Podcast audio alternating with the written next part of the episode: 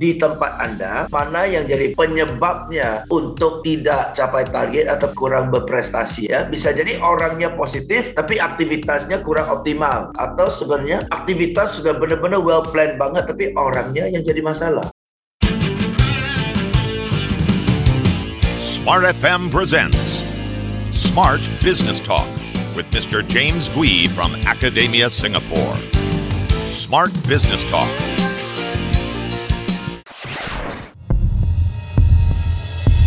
Rasain nih panasnya rokok gue. Mm. Ah! Pembajakan! Pembajakan! Mm, lepas! Lepas! Diam! Dengarkan podcast Tinggal Nama setiap hari Selasa dan Kamis. Persembahan video podcast network by KG Media hanya di Spotify. Saat semuanya sudah terlambat. Tidak terasa kita sudah memasuki bulan keempat ya di tahun 2022. Rasanya waktu begitu cepat sekali berjalannya dan uh, bagaimana dengan evaluasi tim sales Anda atau tim marketing Anda begitu? Apakah sudah mulai menunjukkan hasil atau jangan-jangan stuck ya? Karena di triwulan pertama biasanya ini sudah mulai review bisnis plan begitu kan ya. Apakah uh, works, apakah berhasil, apa strategi yang tidak berhasil begitu dan apa yang harus diganti ganti. Nah, pagi hari ini pastinya kami ingin mengajak Anda ya, how to manage gitu ya, how to manage your sales team uh, with great success in 2022. Great successnya itu loh ya, dan ada kaitannya dengan di awal manage. Nah, bagaimana memanage supaya menjadi great success Selamat pagi, smart listener dan juga sahabat yang bergabung. Saya sehat untuk Anda semuanya. Selamat menunaikan ibadah puasa Ramadan di hari ini ya untuk Anda yang menjalankannya. Dan uh, pagi ini saya sudah bersama-sama dengan Pak James Gui. Selamat pagi Pak James. Selamat pagi Ola, selamat pagi ah. smart listeners. Ya, yang sama juga ya untuk teman-teman yang sedang menjalankan uh, ibadah puasa. Selamat ibadah puasa. menunaikan ibadah puasa ya. Iya. Baik, Pak James, um, suasana pagi ini pastinya bikin semangat karena uh, di suasana Ramadan ya, uh, smart listener tetap bersemangat ya untuk uh, bisa mendapatkan uh, pertambahan pertumbuhan sales. Apalagi kalau di bulan Ramadan ini biasanya ya, biasanya Ramadan dipakai untuk ngebus nih Pak James ya. Yes untuk naikin gitu kan di di bidang apa pun lah begitu. Tapi ini ada dua hal yang menarik. How to manage ya uh, siapa yang di manage sales team supaya bisa mendapatkan uh, great success gitu yep. ya. Pak James, emang uh, kita nih kan udah berulang-ulang ngebahas tentang sales team itu kan bukan satu dua kali ya, yes. bertahun-tahun gitu. Yeah. Tapi kalau dalam perjalanan Pak James uh, terus gitu ya konsisten, continue gitu di bidang ini gitu. Apa yang Pak James temukan sehingga kayaknya sales team ini susah untuk di manage gitu loh. Yes, ada beberapa hal ya Ola ya dan smart listeners ya. Satu ya, jadi kalau kita bicara tentang sales team sesungguhnya ya ada banyak aspek tapi bisa dibagi menjadi dua aspek ya. Hmm. Satu yang di manage adalah orang-orangnya di sales teamnya, ya, hmm. yang di manage adalah orang-orangnya. Kedua yang di manage adalah aktivitas-aktivitas sales ya, aktivitas-aktivitas sales atau sales activities yang dilakukan oleh orang-orangnya. Mm-hmm. Oh, ya jadi ya ma- jadi pertanyaannya sekarang di tempat Anda ya mana yang jadi kendala yang lebih besar ya atau mana yang jadi penyebabnya untuk tidak capai target atau penyebabnya yang buat kurang berprestasi apakah dari sisi orangnya atau dari sisi aktivitasnya Oke. Okay ya bisa jadi orangnya positif tapi aktivitasnya kurang optimal ya kualitas dari aktivitasnya atau salah aktivitas atau sebenarnya aktivitas sudah benar-benar well planned banget tapi orangnya yang jadi masalah ya jadi kita harus tahu mana dulu deh Oke, okay. nah kedua kedua lini inilah yang sering kali menimbulkan uh, masalah ya, Pak James. Kalau di yang uh, di people sales ini, apa yang menurut Bapak uh, selalu itu berulang gitu ya? Belum lama uh, saya ketemu dengan klien, uh, klien ini ternyata juga seorang sales ya, namanya dia juga ingin mencoba untuk berpromosi ya. Tapi alih-alih saya berbincang berkaitan dengan rencana promosi, saya justru mendengar dia bagaimana sumpah serapah terhadap bosnya gitu loh. itu dia. Ini saya nggak suka bidang sales, saya sampai tercengang-cengang gitu. Serius, nggak suka kenapa dia bertahan ya? Gitu. Yes. Nah, Pak James kalau bicara dari people lah gitu ya, apa yang uh, Pak James selalu temukan dan mungkin ini yang yang sering kali nggak disadari tapi ditutup gitu, ditekan dan yes. ini yang terus berulang. Silakan Pak Jen. Nah itu dia, itu dia olah persis ya, persis ya. Ada masalah tapi ditutup kan ya, yeah. ditutup oleh si orang salesnya sendiri karena nggak berani mengungkapkannya ya atau ditutup oleh atasannya karena kalau dibuka muncul macam-macam problem kan ya. Yang mungkin uh, begitu dibuka atau diakui mungkin perlu bongkar seluruh sales team kan yang itu menjadi big PR gitu loh. Jadi udahlah meremata lah kayak gitu ya. Oke, okay, so ya yeah. uh, satu adalah like you said orang salesnya sendiri ya orang salesnya sendiri. Satu dia sendiri tidak suka jadi orang sales. Dia sendiri tidak bangga jadi orang sales ya. Mm-hmm. Tapi daripada nggak ada kerjaan ya sudahlah kerja sebagai orang sales sebagai tugas pekerjaan sementara Oke. Okay? Uh-huh. Kedua, uh, bukan dia lamar sebagai orang sales ya, tapi dia dipindahkan ke bagian sales dia dari awalnya di bagian mana gitu betul, terus dipindahkan betul. ke bagian sales ya betul. dan ternyata dia tidak terlalu menikmati tetapi tidak ada kesempatan untuk dipindahkan ke bagian lain jadi mau tidak mau dia di stuck di bagian sales. Dan dia nggak berani ya komplain karena kalau komplain atau apa disuruh resign. Oke okay, jadi ya udahlah stuck di bagian sales padahal dia tidak suka. Ya ini yang lebih umum ya olah ya. Dipindahkan pindah-pindah pindahkan akhirnya stuck di sales ya. Okay. dan Uh, ketiga adalah seperti tadi kita bahas ya uh, manajernya nggak pernah duduk bersama tim salesnya atau orang salesnya untuk cari tahu sesungguhnya do you enjoy what do you do what you do hmm, ya kan? sesungguhnya kapan terakhir atasan kita duduk sama kita untuk tanya sesungguhnya ya apakah kamu bahagia ya?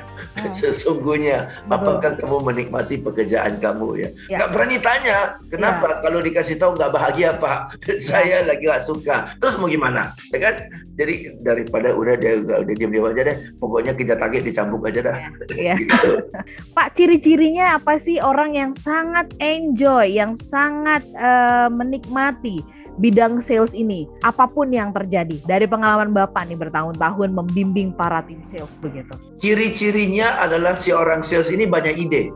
Mm-hmm. Banyak ide uh, saya mau coba ini, saya mau coba ini itu. Orang lain begini, saya mau coba ah caranya mereka. Kemarin saya baca sesuatu, saya dapat ide. Kemarin saya lihat brosur orang lain, Pak, mestinya kita begini loh, Pak. Uh, ya, jadi banyak ide, banyak ide dan banyak antusias ya untuk kita coba sesuatu, ide baru ya. Orang lain begini, mestinya kita juga bisa begini dari sisi arahan positif ya, bukan tuh kan orang bisa begini kenapa kita enggak gitu. Itu negatif ya, cenderung negatif kreatif ya.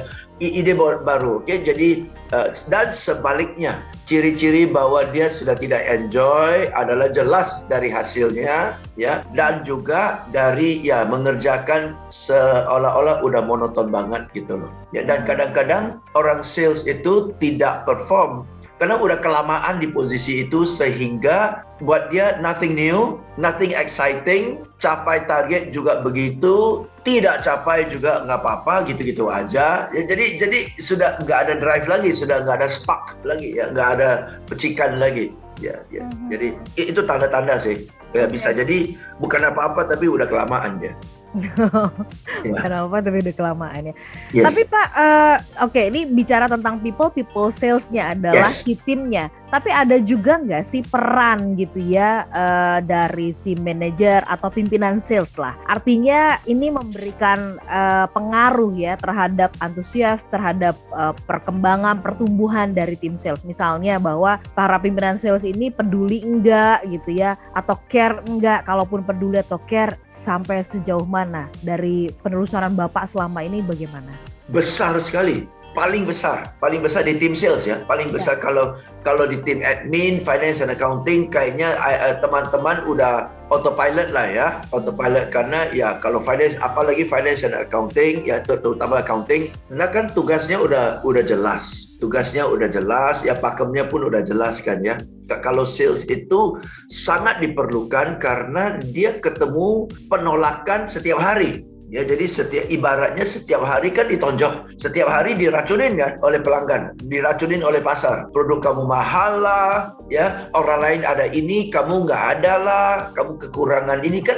Kalau namanya customer pasti cari cari kekurangan kita kan ya. Jadi orang sales itu setiap hari di lapangan lebih banyak menghadapi komentar-komentar negatif tentang produknya, tentang penawarannya kan. Jadi dia dalam satu sisi setiap hari diracunin sama customer kan, racunin negatif ya tentang kekurangan-kekurangan produk atau jasanya mereka. Oke. Okay?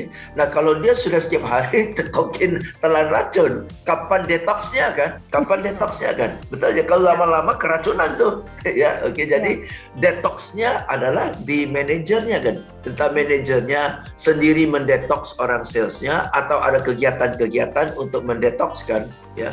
Bak, da, da, jadi da, sebenarnya dalam satu sisi manajernya harus mendetoks orang salesnya, tapi kadang-kadang manajernya melalui kata-kataannya, melalui tindakannya, malah menambah racunnya kan? Ya, ya. Jadi di luar dia kena racun, pulang ke kantor ketemu manajer kena racun lagi. Okay. Contoh kalau racun yang dikeluarkan ini oleh oleh pimpinan sales yang nggak disadarin kalau itu adalah racun apa tuh Pak James? Ya, uh, statement-statement yang negatif, ya statement-statement yang negatif ya. Aduh, uh, yang yang yang yang menjatuhkan dia lah. Yang ah, menjatuhkan kamu gimana dia. sih? Ini kan kamu nggak setahun dua tahun jadi sales ini gini aja nggak beres nggak becus begitu kali ya Pak Jen? Iya nggak oh. nggak beres. Ya ya kalau nggak ya kalau kalau nggak capai target ya silakan keluar aja lah tapi nggak mau keluar lagi. Jadi ya kan? Di sini makan tempat gitu loh ya. Buang-buang ya. budget gitu kan? Sakit loh. Sakit loh. Siapa sih nggak mau berprestasi? Ayo coba. Kan? Siapa yeah. sih nggak mau berprestasi? Ya jadi ya lebih lebih positif lah lebih positif ya. Dan dan kalau kita tanya banyak orang sales apa yang buat anda uh, down? Apa yang buat anda tidak terlalu semangat? Sebagian akan bilang loh karena sales manager saya kurang supportive kurang encouraging ya uh, ataupun kurang memberi jurus-jurus dan kurang memberi solusi Ya itu dia. Ya, jadi ada dua sih. Satu ya belum berprestasi. Ya saya selalu bilang belum berprestasi, bukan tidak berprestasi, belum berprestasi. Dan kedua adalah suasana yang buat orang mau berprestasi. Oke. Okay. Uh, eh, ya setahun ini di yang sudah juga dicanangkan oleh pemerintah recovery together begitu kan apa sih kalau menurut Bapak jurus yang harus dimiliki oleh setiap uh, pimpinan sales karena Eh, masa-masa uh, ini tentu berbeda dari masa-masa sebelum pandemi gitu. Udah pasti banyak perbedaannya. Silakan Pak Jen. Oke, okay. recovery together perlu dua dua hal ya Ola ya di tim tim sales kita ya. Satu ya, ya tekad untuk mau recovery. tekad untuk mau recovery ya.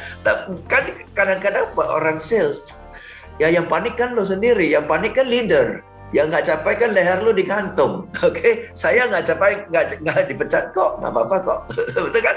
Jadi nggak ada tekad untuk recovery kan? The nggak capai target is not my problem, is your problem gitu loh. Ya, jadi, karena nggak ada sanksi buat saya jika saya nggak capai target. Tetap pekerjaan saya mantep kok. Ya, tetap ya udah nggak dapat komisi tapi gajinya udah cukup lah, gitu kan ya. Jadi buat orang sales kadang-kadang pencapaian target itu bukan mati-matian harus capai loh. Buat orang sales tertentu kadang-kadang ya capai syukur nggak capai gue juga nggak apa-apa kok. Nah kalau gimana kalau kondisi kayak gini untuk apa saya harus ada tekad?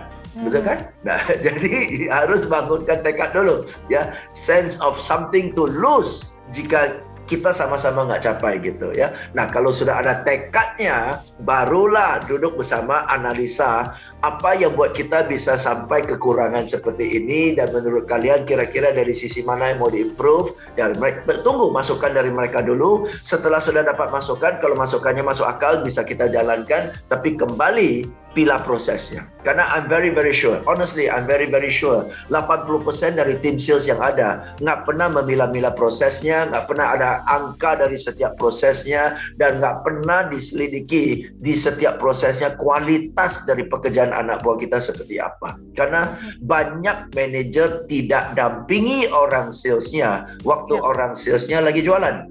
Ya, ya. Maka dia tidak tahu sesungguhnya kualitas dari penjelasannya, kualitas dari interactionnya itu kita nggak tahu. Oke, baik. Selalu ada ruang untuk kita mengimprove diri sendiri. Kalau tadi Pak James mengatakan tekadnya harus dimulai dari kita begitu ya. Yes. Semangat untuk menjadi great success ya Yes. di akhir 2022 ini Smart Listener. Sehat-sehat untuk Anda semuanya, selamat beraktivitas dan tetap semangat dalam menjalankan ibadah puasa Ramadan. Buat Anda yang menjalankannya, hati-hati tetap dalam perjalanan dan kemudian tetap jaga prokes. Kita pamit, saya Ola Nurlija. Saya James Gui, have, Have a fantastic day. That was Smart Business Talk with Mr. James Gui from Academia Singapore.